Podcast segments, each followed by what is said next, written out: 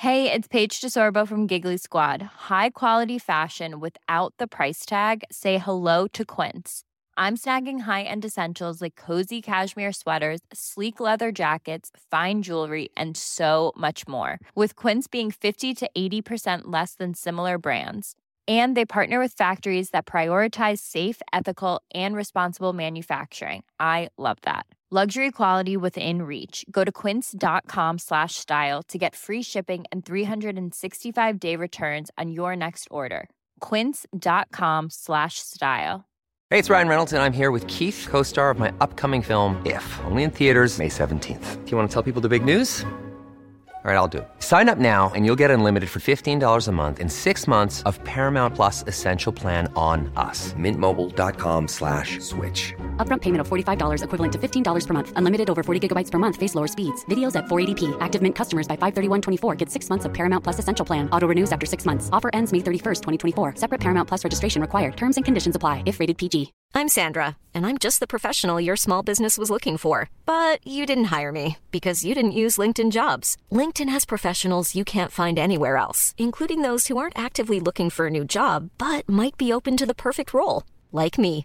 In a given month, over 70% of LinkedIn users don't visit other leading job sites. So if you're not looking on LinkedIn, you'll miss out on great candidates like Sandra. Start hiring professionals like a professional. Post your free job on linkedin.com/people today.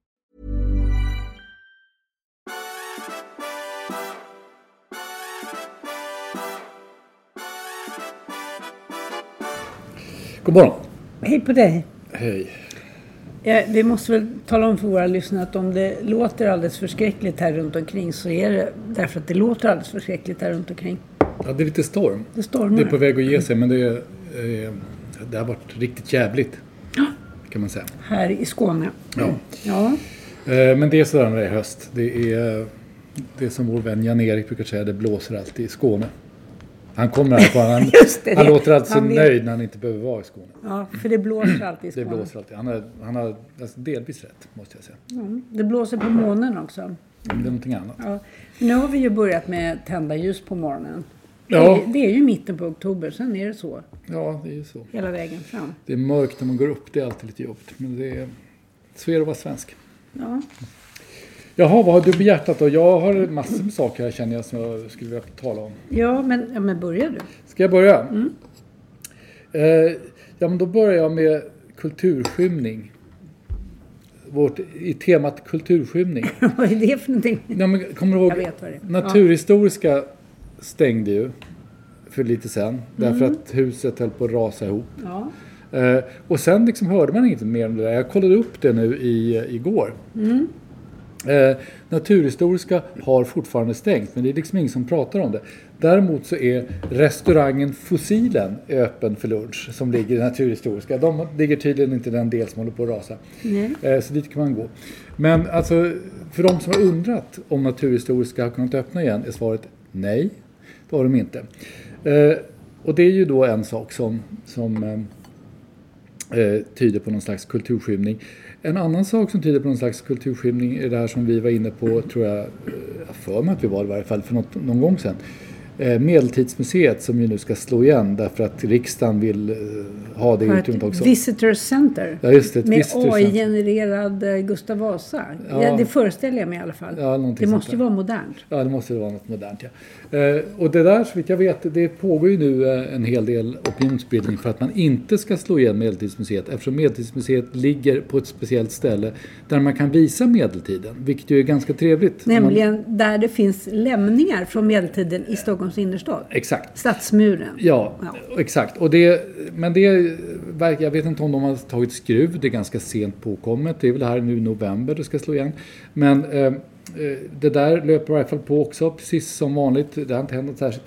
Och sen har vi nog eh, Batavernas trohetsed. Eh, som, alltså Rembrandt-tavlan som då har hängt i Nationalmuseum sen åtminstone någon gång i mitten på 1800-talet tror jag. Som ju då egentligen ägs väl av Konstakademin har jag för mig att det är.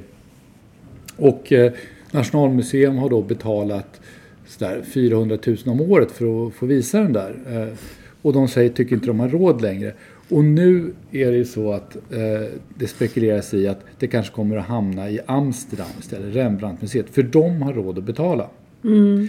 Eh, så att liksom Mörkret sänker sig. Mörkret sänker sig inte bara meteorologiskt eller vad det nu heter utan även eh, kulturmässigt. Om det hade varit någon som hade gett sig in på motståndarsidan när det gäller Medeltidsmuseet så skulle man sagt emot det och sagt att det ska inte stänga, det ska flytta.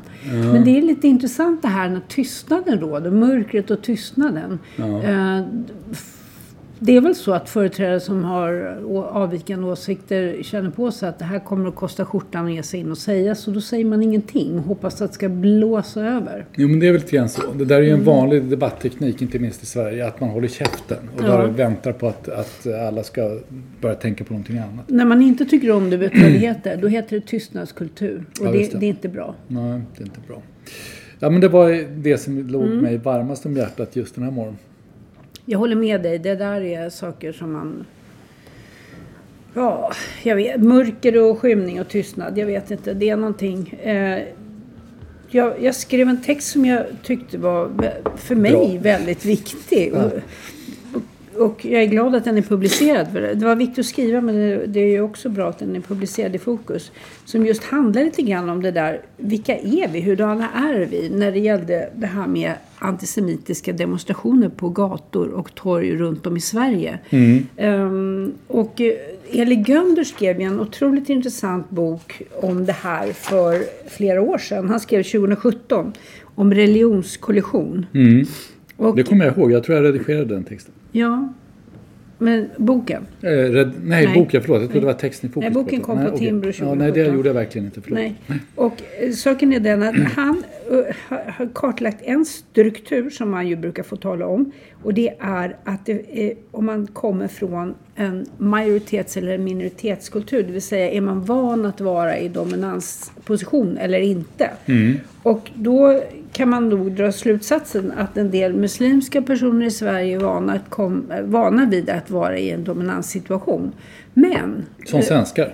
Som svenskar, det var lite min poäng i den här texten, att Ja, svenskar är vana vid att Vara vara i majoritet. Mm. Ja. Och därför så blir det en clash. Men problemet för oss, tror jag egentligen, eh, ett sorts svenskhets liksom, teorem, det är att överlägsenhet ska man inte flasha, ska man inte eh, stoltsera med. Men man är fortfarande, anser sig fortfarande vara i dominansposition även om man inte säger någonting. Och det där framstår som väldigt otydligt för många människor med en bakgrund i Mellanöstern, om jag uttrycker mig så. Eh, Men jag tror att det där är ett, ett ganska stort problem för svenskar som gillar ord som ödmjuk och tolerant och klok. Mm, mm. eh, om sig själv och andra som man tycker om. Det är intressant. Jag tycker det är väldigt fruktbart det där eh, minoritets och ma- majoritetskulturbegreppen som, som media håller, på med. För jag vet, det jag redigerade var, han skrev en artikel om det för några år sedan i, i Fokus. Um, en lite större grej. Och då handlar det ju också ganska mycket om, om just, eh, och det är ju det du är inne på också, men, men eh, lite mer uttryckligt då om, om eh, om eh, in, integration och sådär. Alltså hur klarar man sig när man, eh, kan man liksom anpassa sig till att leva någon annanstans? Alltså det är intressant, särskilt med, med tanke på konflikten i Mellanöstern, att, att den judiska erfarenheten är ju rakt motsatta. De är väldigt vana vid att vara minoritetskultur, var de än har varit. Ja. Eh, och, och har därför också haft ganska lätt att, att ta sig in i samhällen eh, utan att för den skulle liksom förlora sin egen art och så. Och det där är ganska intressant det där hur... hur Kan typ- man det eller kan man inte Ja, det? Och det förklarar ju också såna enkla saker som varför svenskar på Mallorca klumpar ihop sig och spelar golf ihop. Därför att de, Ja. är, de är inte så bra på att vara minoritetskultur utan de bildar en egen liten majoritet. Så fort det går. Ja. Mm, ja. Nej, sen är det intressant det där med eh, i offentligheten vad majoritet är. Men, Ja. Det är ju liksom kanske ingen hemlighet att, att vi har haft medier som har varit rätt så vänsterdominerade i fram och tillbaka i årtionden. Mm. Och då, då, då tycker jag det är väldigt intressant när vi pratar om de här senaste demonstrationerna, antisemitiska demonstrationerna i Sverige. Att eh, det kom ju eh, i stort sett en väldig reaktion också i Sverige när Hamas eh, eh, faktiskt gav sig på Israel. Och, eh, en, en reaktion för palestinierna? Ja, det gjorde det. Ja, man, ja, mm. Överhuvudtaget att man ja. reagerade väldigt starkt på, på, på Israel och eh, Israels konflikter och mm. när, när, alltså närområdet och tillståndet där. Men då kan man ju tycka att det, det där, det där har inte varit så lätt eh, från en vänsterposition att försvara hur Hamas, vilket man då traditionellt ändå har gjort i Sverige, hur Hamas agerar i eh, vad som alltid... Och faktiskt fortfarande gör i många, på många ställen. Ja, fortfarande gör. Intressant, mycket intressant. Jag läste en, en ett X heter det nu, Twitterinlägg. man kan ju inte säga twittra, man måste säga exa. men jag tycker man kan fortsätta säga twittra, ja. det vet folk vad det är. Göran Greider ja. skrev så här, jag, måste, mm. jag är faktiskt så fascinerad av att han jag vet inte vad det här Hamas, liksom annan islamism, jihadism, är lika med extremhögerrörelser. Patriarkala, våldsbenägna anhängare av värsta sortens identitetspolitik, ointresserade av rättsstat, fördelningspolitik. Hamas ett högerextremt svar på Israels förtryck. Det fattar alla jag mött på vänsterkanten. Vet du vad min första reaktion var? Nej. Är Göran Greiders konto kapat? Ja, nej. Han, han, har bytt fot alltså? Nej, fast jag vet inte, han har väl aldrig stött med Hamas? Det, nej, det men alltså, har han kallat det för högerextrem rörelse? Har han gjort ja, det? Han, all, alltså, Göran Greider kallar ju allting han ogillar för högerextremt eller höger. Alltså, det var så det var? Ja, men jag tror att det är precis så det är. Alltså, okay. Det handlar ju bara om, det handlar ju bara mm. om, för honom är ju höger och vänster det enda viktiga perspektivet. Ja. Och, och och höger är dåligt och vänster är bra. Så det är ju jättelätt. Ah, ja, ja. ja, men då förstår jag. Ja. ja. Nej, men jag tror att det är precis vad det är. Och sen så de här grejerna han räknar upp. Jag menar, eh, det, det, jag menar, det är ju, man kan kalla Hamas kan man ju kalla en fascistisk rörelse om man vill. Man kan kalla den högerextrem, man kan kalla den vänsterextrem, man kan kalla vad fan man vill.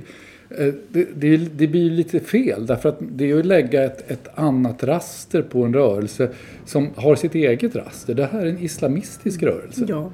Och Men svensk vänster har varit väldigt positiv till Hamas. Ja, så jag de är, tycker de det är intressant de att göra en grej det skiljer ut sig De är lite. positiva till islamism överhuvudtaget och det är ju fortfarande så att om man kritiserar islamism så blir man ju eh, misstänkliggjord rätt mycket. Jag vet bara se vad Sami Egyptssons eh, doktorsavhandling här i början av sommaren om Muslimska brödraskapet resulterade i. De hade ju svårt att till och med få upp en betygsnämnd för att kunna eh, för att han skulle kunna få lägga fram den där därför att alla var så nervösa för det där. Eh, och de var usual suspects från vänsterkanten då framförallt misstänkliggjorde ju både honom och alla som var inblandade i det här.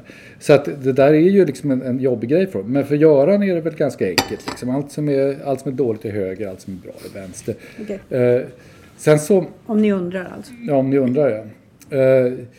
Men det är ju, alltså, vi måste kanske dröja oss lite grann. Det är ju väldigt mycket Israel-Hamas nu eh, av lätt insedda skäl. Men vi kanske måste dröja oss där lite grann ändå. Jag tycker det har varit väldigt intressant den här rapporteringen då kring den här eh, fruktansvärda explosionen vid sjukhuset i Gaza. Som ju av allt att döma inte därför att Israel säger det utan därför att det finns trots allt en del fysiska bevis man kan analysera som till exempel skadorna på plats och sådär. Det mesta tyder på att det här är en eh, raket från ja, då, antagligen Islamiska Jihad, eh, men en av terrorgrupperna på Gaza, som har kraschat och varit full av bränsle och då har den exploderat. Eh, men det intressanta då var när det här skedde, det var ju då att eh, det som man då kallar i svensk press för den palestinska hälsovårdsmyndigheten eh, påstod ganska snabbt att det var Israel som låg bakom det här. Och det rapporterades med bara en referens till den palestinska hälsovårdsmyndigheten. Och det där tyckte jag var rätt fascinerande. För att eh, snacka om att vara naiv i förhållande till Hamas. Det finns ju ingen myndighetsorganisation eh, eh, på Gazaremsan som inte är kontrollerad av Hamas. Därför att det är så Hamas funkar. Så att det här var ju bara, det här var ju liksom Hamas, eh, Hamas påståenden och det rapporterades som om det var Socialstyrelsen. Det låter ju lite grann, du vet, mm. Palestinska hälsovårdsmyndigheten. Ja. Man ser Barbro Westerholm framför sig i mm. foträta skor och eh, kostråd. Men det är ju inte riktigt det det handlar om. Nej, och det, och det, men det där kanske om vi ska knyta tillbaka till början på den här, på den här podden, att det är lite svenskt att man vill gärna tänka sig någon, någon medelväg när man inte behöver eh, ja, ja, ställning. Som, ja, precis. Man vill, man, man, man, vill ha två parter och sen så rapporterar man båda två som om de vore likvärdiga. Skillnaden är ju den att man, man, har ju all anledning att vara kritisk till det Israel säger också, men poängen är ju att det går att vara kritisk mot israeliska källor. Därför att man blir inte mördad om man är det och man kan faktiskt ta reda på saker och man kan avkräva dem fakta på ett sätt som man inte kan göra av Hamas. Men det här är ju jäkligt bökigt. En annan grej som då hänger ihop med det här, det var en väldigt bra artikel i Wall Street Journal nu i veckan som handlade om det här med bistånd till Palestina. Ja. Som ju också varit uppe i den här debatten. Eh, och här konstaterar de ju då eh, i Wall Street Journal, eh, ganska, väl, ganska långt och väl underbyggt reportage, konstaterar de ju att, att det finns inget bistånd till Gazaremsan som inte på något sätt har, har gynnat eller gått till Hamas. Det går inte att göra det när man har att göra med den här typen av terrororganisation som kontrollerar ett område. Alltså det är allting från att Eh, bland de här eh, terror, eh, terroristerna som, som dödades i Israel när de försökte mörda och mördade israeler. På dem fann man till exempel eh, man fann till exempel sådana här första hjälpen-kit som hade delats ut av FNs Children Fund. Man hittade på dem lönecheckar från från eh, den palestinska myndigheten som betalas då med biståndspengar. Eh, andra sådana här grejer. Eh, och problemet är också att det är ganska svårt att få, få det här utrett. Det kom ju till exempel en rapport här i början av veckan av, från eh, UNRWA, alltså FNs organisation för palestinska flyktingar som har hållit på sedan 48 är det väl. Eh, att deras lager av bland annat bränsle i Gaza hade plundrats av Hamas. Eh, men ganska snart efter det så kom det då eh, eh, ett besked, när det hade bekräftats och allting, men efter, då kom det ett besked från UNRWA att nej, nej, det var inte så, vi tar tillbaka det där och sen har de inte velat kommentera det.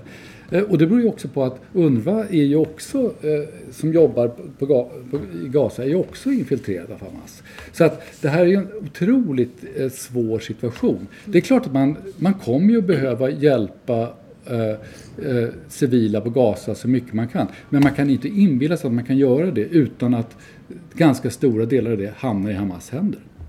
Nej, och då, om vi tar oss tillbaka till majoritetskulturen Sverige ja. och en eh, intervju som eh, publicerades i DN igår. Ja. Med, vi har ju faktiskt en migrationsminister, Maria Malmö Stenergard. Mm.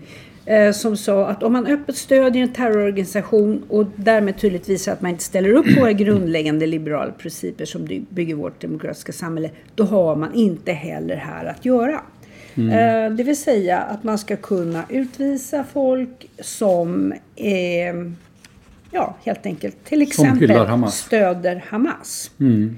Eh, och det här är ju, eh, man jobbar på en ny lagstiftning. Hon utesluter inte då att, eh, att det här kommer att omfattas av den nya lagstiftningen. Mm. Vandelskravet, ja, det, det, låter ju som någonting från 1800-talet och det, det, är ändå påkallat av någonting som händer 2023. Vet, det känns som något sånt här mentalt sätt att lägga liksom tid emellan det mm. som har varit och det som är. Eh, och då, säger hon, då får hon frågan hur går det här ihop med vår yttrandefrihetslagstiftning? Då säger hon man har inte lika långtgående rättigheter när man inte är svensk medborgare. Mm. Vad ska man säga om det då? Nej, men det ligger det ju någonting i. Sen är det ju, sen är det ju klart att det, det finns ju någonting här som är obehagligt och tråkigt men kanske oundvikligt. Och det är ju det att, att när vi får lov att konfronteras med den här typen av, av terrorverksamhet och, och stöd till terror och eh, eh, alltså ett fundamentalistiskt eh, och militant sätt att tänka så tvingas vi liksom tumma på det som vi egentligen skulle vilja. Vi skulle ju egentligen vilja ha ett samhälle där man mm. slapp den här typen av lagstiftning. Men det blir ju allt svårare och det här är ju en följd av att vi har blivit eh, många fler nationaliteter, kommer från många olika håll, många fler, mycket bredare spektra av, av åsikter. Eh, och för den delen ett, ett, ett, ett mycket bredare spektra av vad man anser att man kan tillåta sig. Mm. Att det blir mycket mer, det kommer att bli mer lagstiftning, det kommer att bli tuffare. Jag, jag skulle vilja koppla tillbaka till det där med majoritetsstatus och, ja. och den, eh, att, att ha en position där man eh, är i dominansposition. Mm. Uh, är det så här att det finns någon sorts svenskt sätt att slingra sig runt uh, på kroken här just därför att Nej, men det ska inte komma några terroristiska grupperingar och få oss att ändra på vår attityd, den som vi faktiskt i grund och botten är ganska stolta över och nöjda med.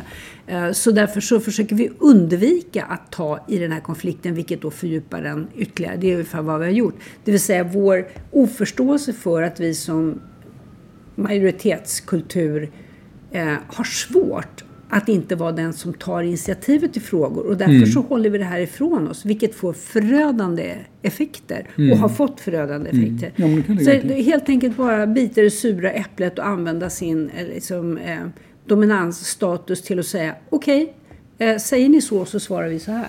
Mm. Simplare så här. Ja, jo. Jag vet inte. Ja, det är väl så. Det kommer ju aldrig vara enkelt, men jag förstår vad du menar. Mm. Men det är... Eh, Hanne Kjöller. Ja. Eh, för att byta ämne. Skriver Lite i Dagens Nyheter. Skriver idag. Hon har inlett, eh, jag förstod inte riktigt att det var det, men jag såg att hon skrev det någonstans sen, hon var citerad någonstans.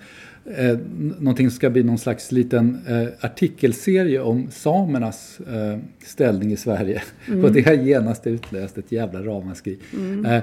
Men det är ju väldigt intressant och det hon är speciellt inne på, i varje fall i den här första artikeln, det är väl den enda som är publicerad nu, det var väl igår eller förrgår tror jag. Mm. Så eh, skriver hon om just de renägande samerna, att de är en slags överklass eh, i det samiska samhället. Och att det är lite grann, det går nästan inte att ta sig in där. Det är lite grann så det finns liksom två saker man kan bli född till i Sverige. Det ena är kung, att bli kung och det andra är att vara renägare. Mm. Eller statschef. Ja. Ja, eh, ja, nu har vi ju kung, så det kan ja. man väl säga. Men, eh, Men ja. vi pratar om Sverige. Men, I framtiden menar jag. Ja, så har du blivit republikan plötsligt? Nej men kung, vi, ja, du kronprinsessan är inte så. kung ja, och kommer så. inte att bli det. Nej just det, då det tänkte jag inte på. Um, men men um, jag tycker det här, är, det här ska bli väldigt intressant. För att det här är ju en väldigt märklig särlagstiftning vi har. Och mm. uh, jag tror att hon kommer sin vana trogen att, att uh, röra om i myrstacken rejält. Uh, och det, det, ska bli lite för kul att mm. följa. Mm. Så det rekommenderar jag till våra lyssnare. Till, till läsning helt till enkelt. Läsning, helt enkelt. Sen har vi ju någonting Lasse Berghagen ja. Tråkigt ja. som har hänt i veckan. Ja, det är ja, trist. Det är tråkigt. Vi har ju träffat honom lite grann. Ja, vi var väl lite bekanta kan man säga. Ja. Han var ju, han, alltså, han var ju, måste ju varit en av de mest genuint snälla människor jag stött på. Ja. Utan att för den skull vara menlös. Han var ja. ganska rolig. Han var rolig. Kom, jag kommer ihåg en gång när vi var ute och gick på Stockholms eh, gator tillsammans med en kompis och våra tre små hundar. Eller om det var två små hundar. Och så hör man en röst bakom oss som klämmer i. Grov! Vad är det där för fula hundar? Och vår kompis hoppade lite i combat-position. Ja, han var på väg att lappa till. Han, är, han, har varit kapten, ja, sjökapten, så han var van att uh, ja, säga ifrån. Ja. Då var det Lasse Berghagen. Ja, Lasse Berghagen. Han alla, blev lite, alla skrattade. Han blev lite ställd när han såg att det var Lasse Berghagen. Man tyckte han det går inte att liksom mm. konfrontera. Nej, men det, är, inte. det är ju lite tråkigt. Det är ganska tidigt också. Vad var han? 77? 78? Ja. Men uh, ja, ju, men han har, han har ju hunnit med en del. Han hann ju med en del, får man väl säga. Dessutom i tidningen Dagen så har man skrivit om en sak som jag inte kände till. Nämligen att han har skrivit en psalm. Ja, just det. 1993 skrev han en psalm. Ja, det läste jag någonstans idag också. Ja. Det visste jag inte heller faktiskt. Nej, det visste inte jag. Jag måste säga att det, vi har ju ett fenomen som är väldigt tunnsått i Sverige och det är att vara folkkär. Mm. Det, det, är svårt att definiera, det ska mm. det ju vara också. Mm. Men eh, han var definitivt folkkär. Ja, och gift med en ett tag, med folkkär ett tag, ja. Lill-Babs. Det var ju en kort, eller, kort, kort. Äh, giftermål, men, ja. men det var ju ändå så. Två folkkära, det var, ja. det var, ett, det var ett riktigt power couple. Det var ja. som, vad heter de, Brangelina och alla de här människorna. Ja, men de här var liksom garanterat snälla och schyssta personer. Ja, det tror jag man kan säga. Det hade de nog gemensamt. Vi, vi träffade ju även Lill-Babs. Mm. Och apropå det, um, vi har ju inte nämnt Jan Emanuel i den här podden. Nej, vi måste tacka Jan mm, Emanuel. Vi nämnde, vi nämnde Jan Emanuel förra gången och, eh, och formulerade det lite grann så, hur ska man bära sig åt för att slippa undan Jan Emanuel? Mm. Och då måste jag ju säga att, att eh, eh det är väldigt generöst Jan Emanuel att han eh, han, han har han erbjudit plocka, sig att hjälpa oss. Ja, framförallt plockade han upp det och blev eh, och blev genast lite oförskämd mot oss på ett elegant sätt, vilket vi uppskattar mycket. Och så att han gärna kunde hjälpa vår, som han antydde, hopplösa och tråkiga podd genom att komma dit. Han kan lyfta de tråkigaste sammanhang. Så det kanske vi ska ta, ta vara på. Tack Jan Manuel. Ja, men det är också roligt tycker jag att, att en, en person med en sån enorm framgång eh, fortfarande kan vara så underbart tunnhudad att han gick igång på det Och där. dessutom ha tid att lyssna på en tråkig podd. Ja, jag tycker Det att tycker det jag är fascinerande. Ja, jag måste säga Det glädjer oss. Ja, framförallt det. Det är imponerande. Det är imponerande. Ja. Så är det. Så säger vi. Ja, vi säger så för idag tror jag. Eh, vi, har ju Mm. Spion, vi skulle egentligen prata spioner också, men det får bli nästa gång. nästa gång. Ja, vi Ja. säger så. Ja. Bra. Hej. Even